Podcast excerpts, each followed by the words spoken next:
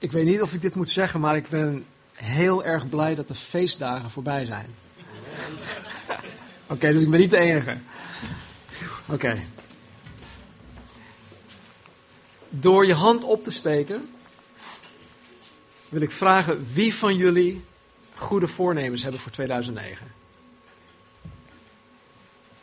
1, 2, 3, 4, 5, 6. Heel voorzichtig. Oké, nou goed. Voor de rest die je hand niet hebt opgestoken, hebben jullie ooit goede voornemens gehad? Waardoor je nu geen goede voornemens meer hebt. Oké, oké. Ik begrijp het. De jaarwisseling is bij uitstek een goed moment om, om je leven onder de loep te nemen. om het tegen het licht aan te houden. En waar nodig je levenskoers bij te stellen. En vandaar ook dat men altijd het moment van de jaarwisseling kiest om het nieuwjaar in te gaan met goede voornemens. Maar waar goede voornemens meestal al na een aantal weken verwateren, zoals wij dat weten, is er vanmorgen toch iets dat wij kunnen voornemen dat nog vele dagen, weken, maanden, jaren zal meegaan. Want waar ik het vanmorgen over zal hebben, heeft geen geldigheid tot of houdbaar tot datum. Het is voor eeuwig goed en het is voor eeuwig geldig.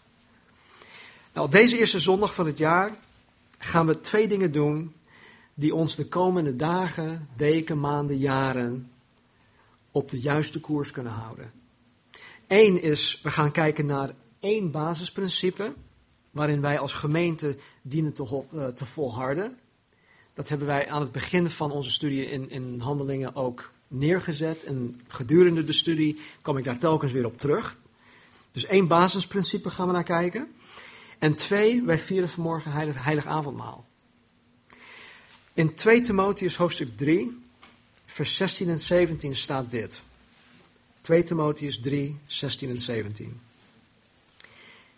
Heel de schrift is door God ingegeven en is nuttig om te onderwijzen, te weerleggen, te verbeteren en op te voeden in de rechtvaardigheid.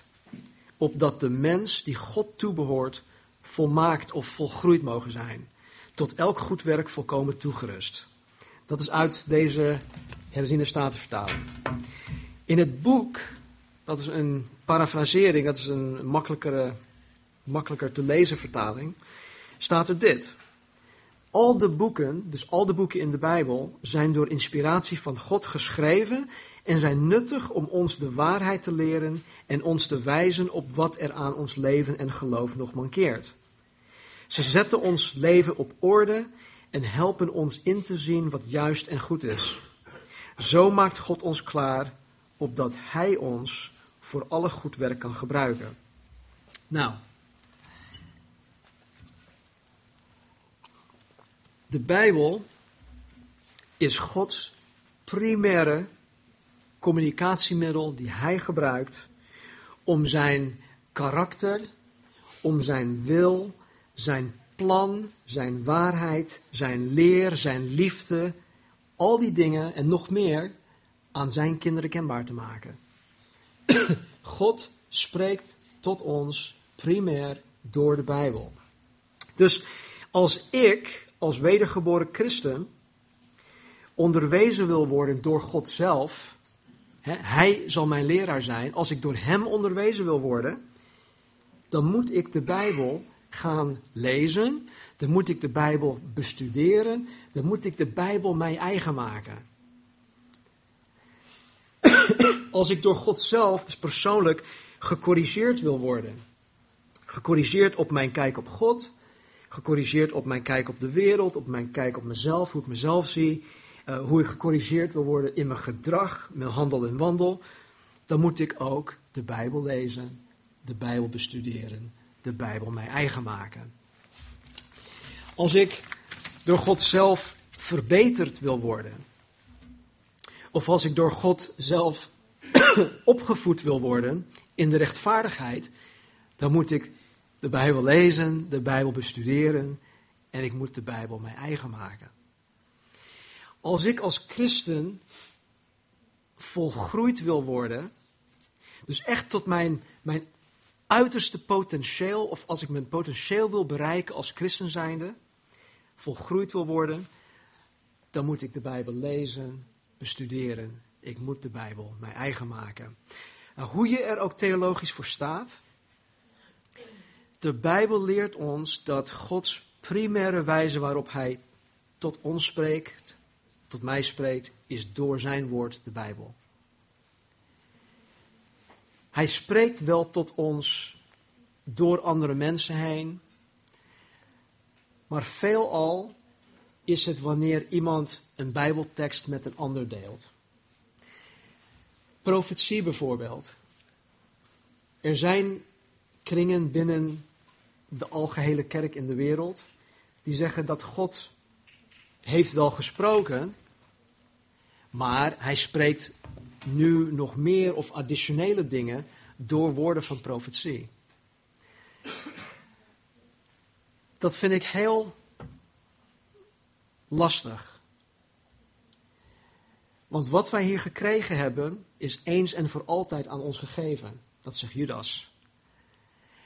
En alles wat hier staat, is door God geïnspireerd. En alles dat wij nodig hebben, staat in de Bijbel. We hebben het net gelezen, 2 Timotheus 3, 16, 17. Dus hoe wij erin staan, als gemeente, als Calvary Chapel, wij geloven dat Gods primaire manier van spreken tot zijn kinderen is door Gods woord, door de Bijbel. En dat doet hij door, op verschillende manieren. Hij doet het wanneer je de Bijbel zelf leest, wanneer je het zelf bestudeert. Hij doet het ook door middel van de zondagochtenden. Hij doet het door middel van de woensdagavonden. Hij doet het door middel van gesprekken die je met elkaar voert. Wanneer je de Bijbel openslaat. Door home fellowship. Door God gebruikt allerlei verschillende manieren om tot ons te spreken. Eén ding. Wat hij tot ons spreekt en wanneer hij tot ons spreekt, zal het altijd overeenkomen met zijn woord. Het zal nooit en te nimmer afwijken van wat God aan ons al heeft gegeven. Nou, God heeft gesproken. En God spreekt nog steeds. En zijn stem, zijn woorden, die luiden voor degenen die de tijd nemen om zijn stem en woorden te zoeken. Dat is heel belangrijk. En we hebben de afgelopen twee jaar als gemeente zijn stem en zijn woorden gezocht. En we hebben ze gehoord door onder andere, door onder andere onze studie en handelingen. We hebben zijn stem gehoord. We hebben zijn woorden gehoord. Ik geloof en ik zie dat God zijn doel met onze studie in handelingen heeft bereikt. Ik geloof dat er een goed begin is gemaakt aan het leggen van een sterk fundament in deze gemeente. En ik zie dat aan onze geestelijke groei. Ik zie dat velen van ons de afgelopen twee jaar gegroeid zijn, geestelijk gegroeid zijn. De een misschien iets harder dan de ander, maar hoe dan ook, er is bewijs van groei. En waar die geestelijke groei misschien niet bij ieder zichtbaar is, en want misschien heb je ook zoiets van, joh, ik, ik weet niet of ik gegroeid ben. Ik, ik zie het niet, of ik ervaar het niet. Of misschien denk je van een ander, ja, ik weet niet of die gegroeid is. Ik zie het niet, of ik ervaar het niet. Nou, voor jullie wil ik zeggen, wees bemoedigd. Wees bemoedigd. Waarom? Want alhoewel jullie groei misschien niet direct tot uiting is gekomen, weet dat de wortels van jullie geloofsleven versterkt worden. Ze worden versterkt. En zoals een fundament ondergronds gebouwd wordt, groeien de wortels van ons geloof ook onder de oppervlakte, waar het niet zichtbaar is. Dus wees bemoedigd. En als die, als die wortels groeien, als ze sterken, als ze dieper de grond ingaan, voordat je het weegt, stijgt er ineens een geestelijk groeiende dienstrecht boven de grond, die mee zal gaan bouwen aan Gods koninkrijk. En dat hebben we de afgelopen twee jaar al gezien. Wie van jullie had twee jaar geleden gedacht dat jullie God op deze manier zouden gaan dienen? De manier waarop je God nu dient. Had je niet gedacht. Maar God was al bezig onder die oppervlakte. En God zal je toerusten en bekwamen, zodat je tot elk goed werk volkomen toegerust bent. En zo het, eerst, en, zo het eerste dat wij ons kunnen, kunnen voornemen dit jaar, 4 januari, is het woord van God, de Bijbel, tot ons te blijven nemen en ons blijven eigen maken. Zoals we uit Handelingen 2.42 hebben geleerd, een van de fundamenten waarop wij als gemeente zullen blijven bouwen, is het volharden in de leer van de apostelen. En de leer van de apostelen is de gehele raad van God, van Genesis tot en met openbaring. De hele Bijbel. Als vervolg op onze studie in handelingen voel ik me geleid om ehm, de eerste brief van Paulus aan de Corinthiërs te gaan behandelen.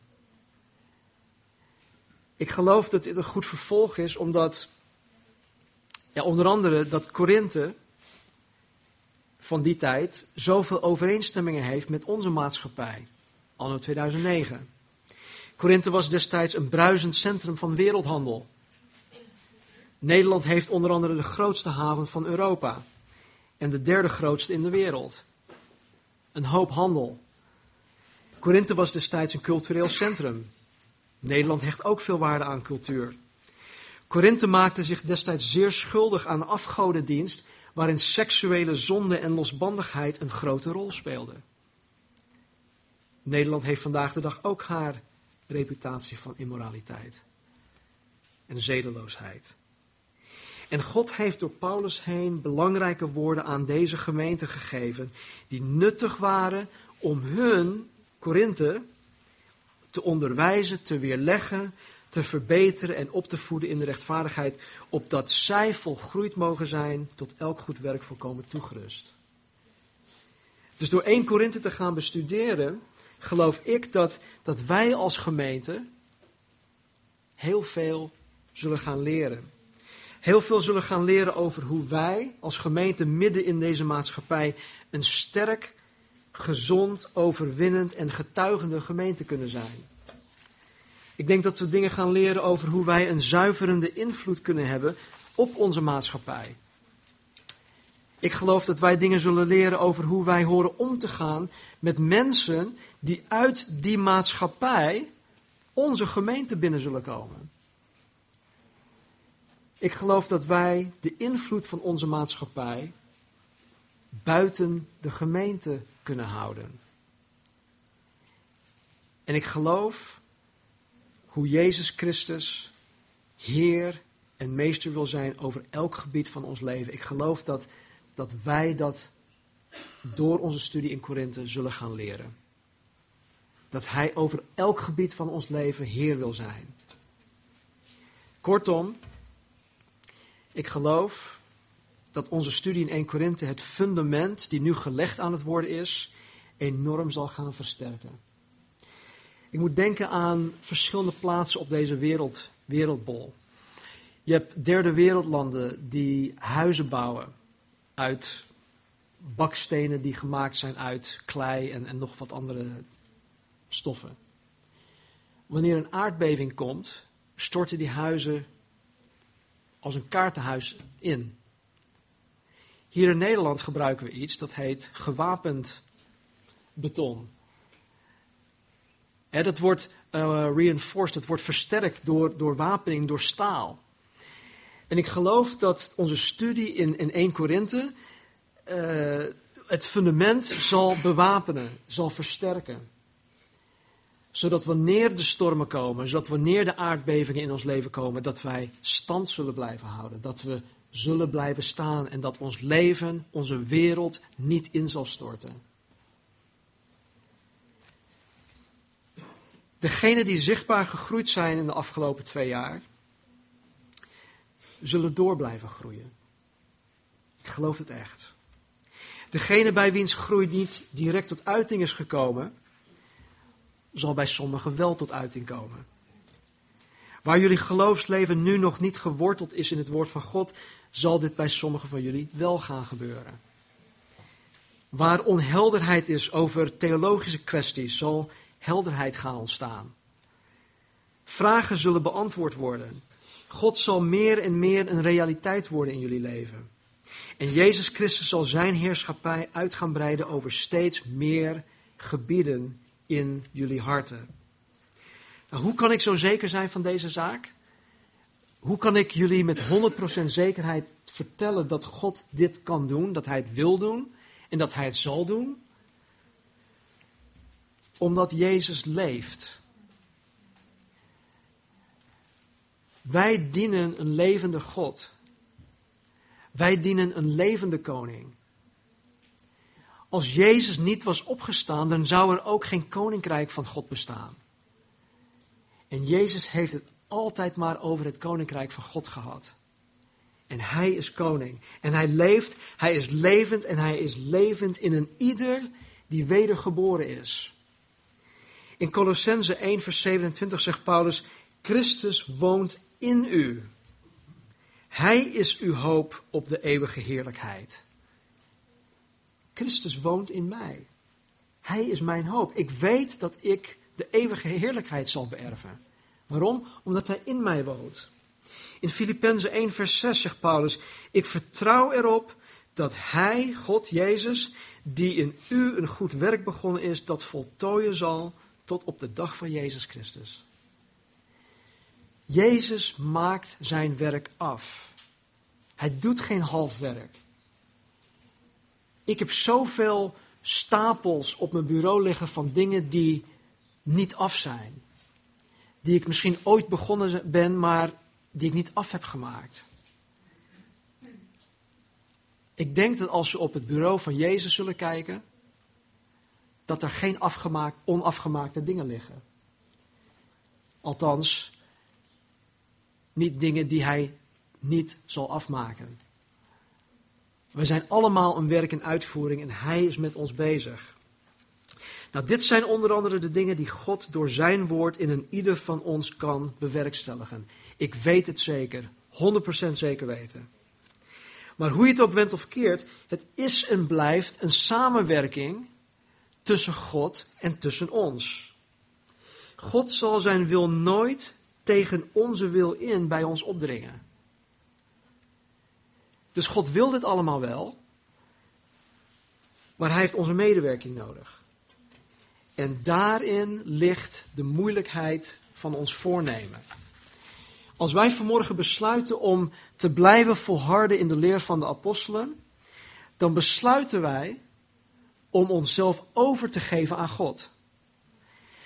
Dan besluiten wij om onszelf over te geven aan Zijn werk die Hij in ons wil gaan doen, dit komend jaar. Als wij ons overgeven, dan betekent dit dat God ons zal gaan onderwijzen. Maar dit houdt in dat wij ons erop moeten toeleggen om door Hem onderwezen te willen worden. En praktisch gezien moeten wij dus tijd vrijmaken om dan de Bijbel te lezen, de Bijbel te bestuderen, preken van betrouwbare uh, Bijbelleraren te beluisteren. Er staan heel veel goede dingen op internet. En we moeten de samenkomsten niet verzaken. De zondagen niet, de woensdagen niet. En hierin ligt de moeilijkheid van ons voornemen. Als wij ons overgeven, dan betekent dit dat God ons zal gaan corrigeren. Corrigeren in onze opvattingen over Hem. Hoe zien wij God? Corrigeren over uh, onze gedachten over andere mensen. Hoe zien wij andere mensen? En want vaak ontstaan er misverstanden tussen ons of onder ons, omdat wij de ander niet begrijpen. We hebben geen flauw idee wat er in die andere persoon omgaat, wat die heeft meegemaakt. Als iemand met een, met een chagrijnige blik binnenwandelt, het eerste wat in ons opkomt, van, moet je die zien? Die is uit de, verkeerde kant van het bed gestapt, of uh, hoe zeggen we dat? Verkeerde been. Oké, in het Engels is the wrong side of the bed.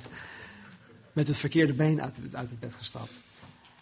Maar weten we wel wat die persoon de afgelopen dagen heeft meegemaakt? Dus het, eh, God zal ons corrigeren over, over, onze, over onze kijk op anderen, over onze doctrine, over onze theologie, over onze tradities enzovoort enzovoort.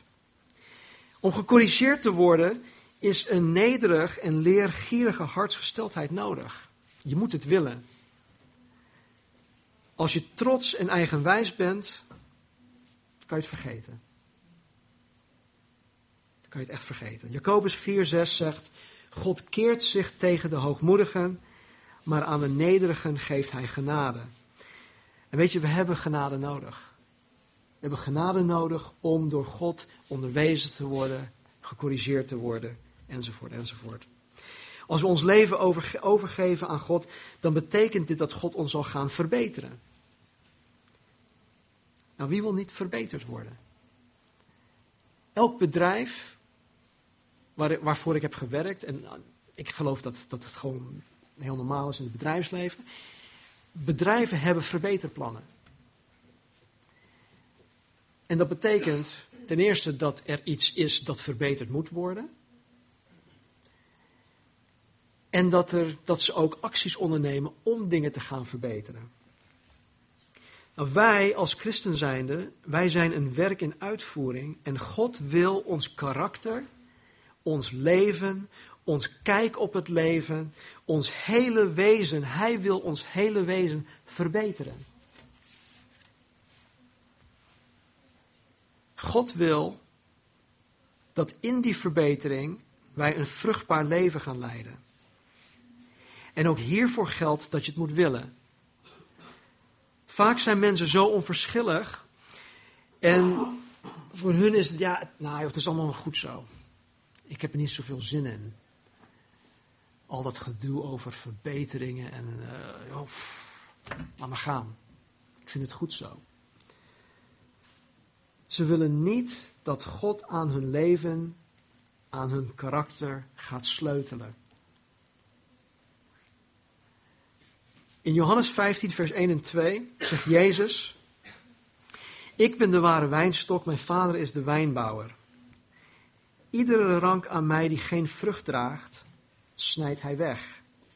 En iedere rank die wel vrucht draagt, snoeit hij, opdat hij meer vruchten draagt. Snoeien is een pijnlijk proces. Het is een proces van wegsnijden. En het is Gods bedoeling dat alle dingen die in ons leven, in ons karakter, die niet op Jezus lijken, weggesneden worden. En dat doet pijn. Waarom? Omdat alles dat in ons is, dat niet op Jezus lijkt, geen blijvend vrucht zal dragen in ons leven. Wij kunnen heel veel dingen op eigen kracht doen,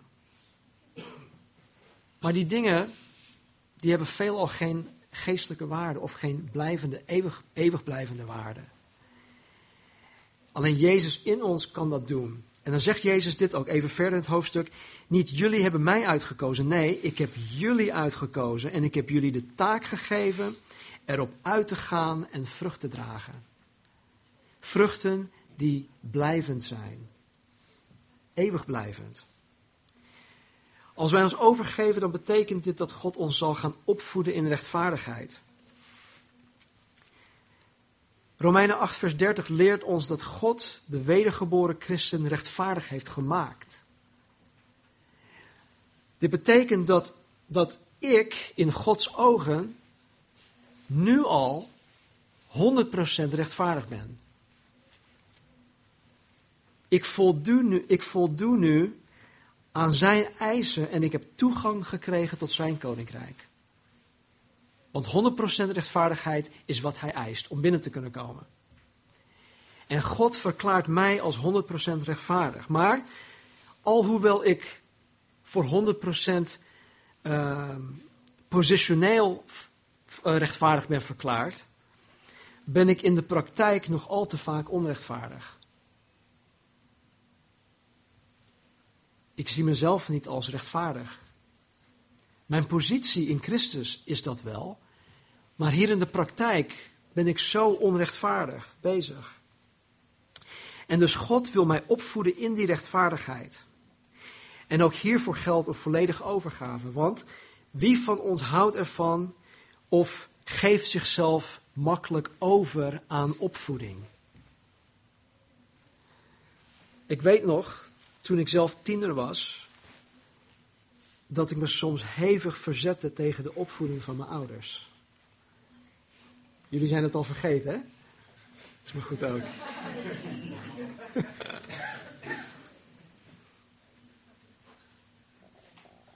Nu krijg ik het dubbel en dwars terug. Ja. Met mijn eigen kinderen. Maar God wil mij, God wil ons opvoeden in rechtvaardigheid. En weet je, dit is een gigantisch voorrecht. Om door de schepper van hemel en aarde, een als persoonlijke coach zeg maar, dat hij naast ons wil staan, ons bij de hand wil nemen en ons in de rechtvaardigheid wil opvoeden. En hij voedt ons niet op zoals ik mijn kinderen opvoed. mijn opvoeding is, is dit. Het, de ene keer mag het niet, de andere keer mag het wel. Hangt van mijn humeur af. Maar God is constant.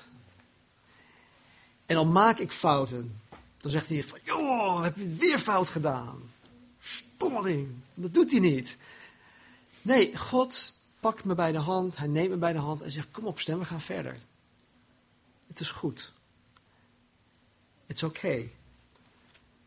Dus om door God opgevoed te worden is een gigantisch voorrecht. En als je dat nog niet hebt ervaren, dan wil ik zeggen, geef je hieraan over. Want het is een, echt een kick om, om op deze manier door God opgevoed te worden.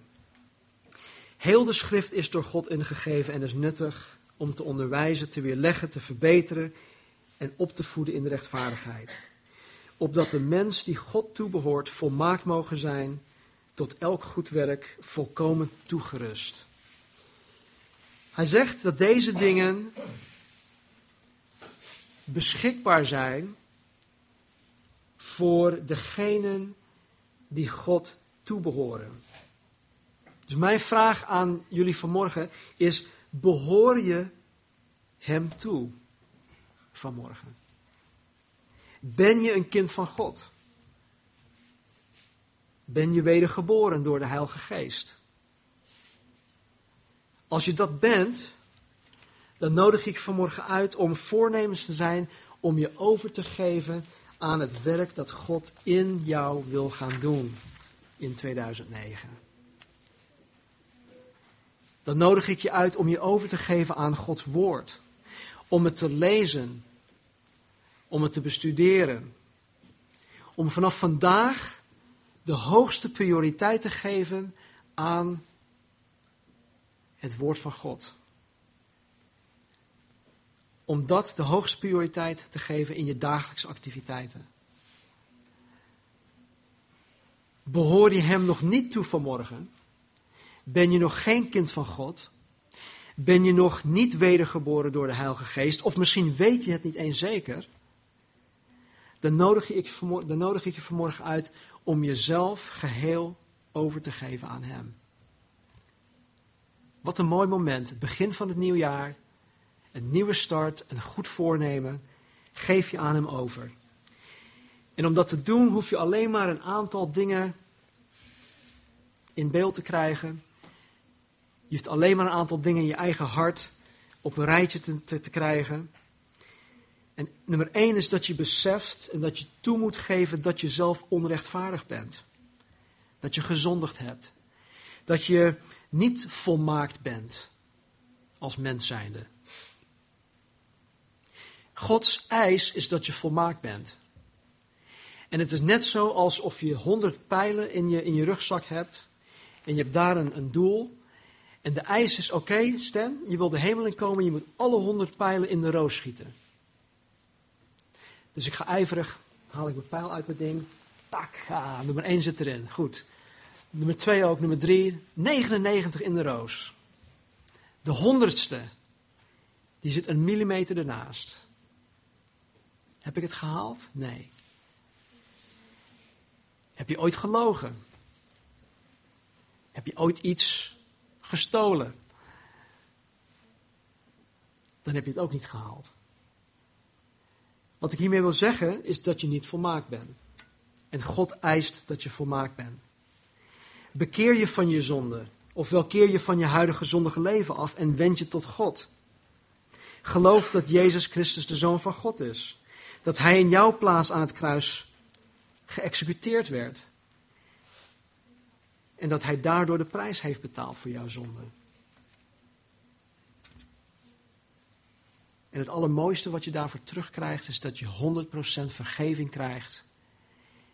En dat je 100% rechtvaardigheid toegerekend zal krijgen. Of toegekend zal krijgen. Dus als het ware, wanneer je op het moment dat je zegt van ik ga in Jezus geloven, ruil je je eigen zondige leven in, je onrechtvaardigheid, voor zijn rechtvaardigheid.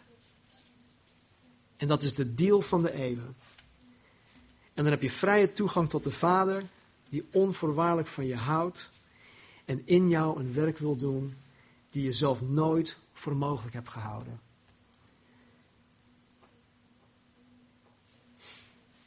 Zijn we bereid om dit voornemen, om, om deze, hoe zeg ik dat, voornemen te doen, te hebben, te houden? Willen we dat? Laten we bidden. Vader, ik dank u voor allen die u kennen. Heren, dat wij samen als gemeente, samen met u, Vader, een, een weg mogen gaan. En dat er nu voornemens kunnen zijn, Heer, aan het begin van dit jaar, dit nieuwjaar, om uw woord prioriteit te geven in ons leven. Heren, dat we onszelf mogen overgeven aan uw God. Dat u persoonlijk en ieder van ons wil onderwijzen. Dat u ons wil corrigeren. Dat u ons wil verbeteren, heren. Dat u ons wil opvoeden in de rechtvaardigheid. Heren, help in ieder van ons vanmorgen om ons aan u, aan dat over te geven. Want Heer, dat is de enige weg. Dat is de weg van het leven. En Heer, zoals we vorige week ook hebben gezegd, Heer, dat een leven zonder Jezus is geen leven. Maar Heer, in U, met U hebben wij leven en overvloed.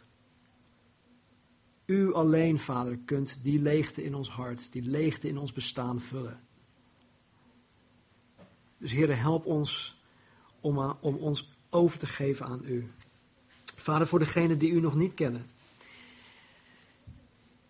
Heer, dat u vanmorgen door uw Heilige Geest en uw woord op hun harten zal bewegen. Dat u hun zal bewegen, Heer, om zichzelf aan u over te geven. En Vader, als ze het nog niet snappen, Heer, als ze het nog niet begrijpen, Vader. Open hun ogen, hun oren, hun verstand, Heer, dat ze wel iets van u mogen gaan begrijpen. U, Heere, die een goed werk in ieder van ons is begonnen, zal het tot voleinding brengen. En Heere, ook voor degenen die u nog niet kennen vanmorgen, Heere, u bent vanmorgen een goed werk in hun begonnen. Misschien bent u dat werk al lang begonnen, Vader. En dat vanmorgen alleen maar een, een schakel is of weer een puzzelstukje op het geheel. Vader, kom tot uw doel. En heren, wanneer we zo meteen heilig avondmaal vieren, heren, dat we u gedenken, Jezus. Dat we stil mogen blijven staan bij datgene voor, wat u voor ons gedaan heeft. En heren, de hoofdzaak van het avondmaal, heren, dat geeft u onszelf aan. En dat is dat wij u gedenken. En heren, dat willen wij. Ik dank u, Heer, voor het moment. Ik dank u voor de gelegenheid.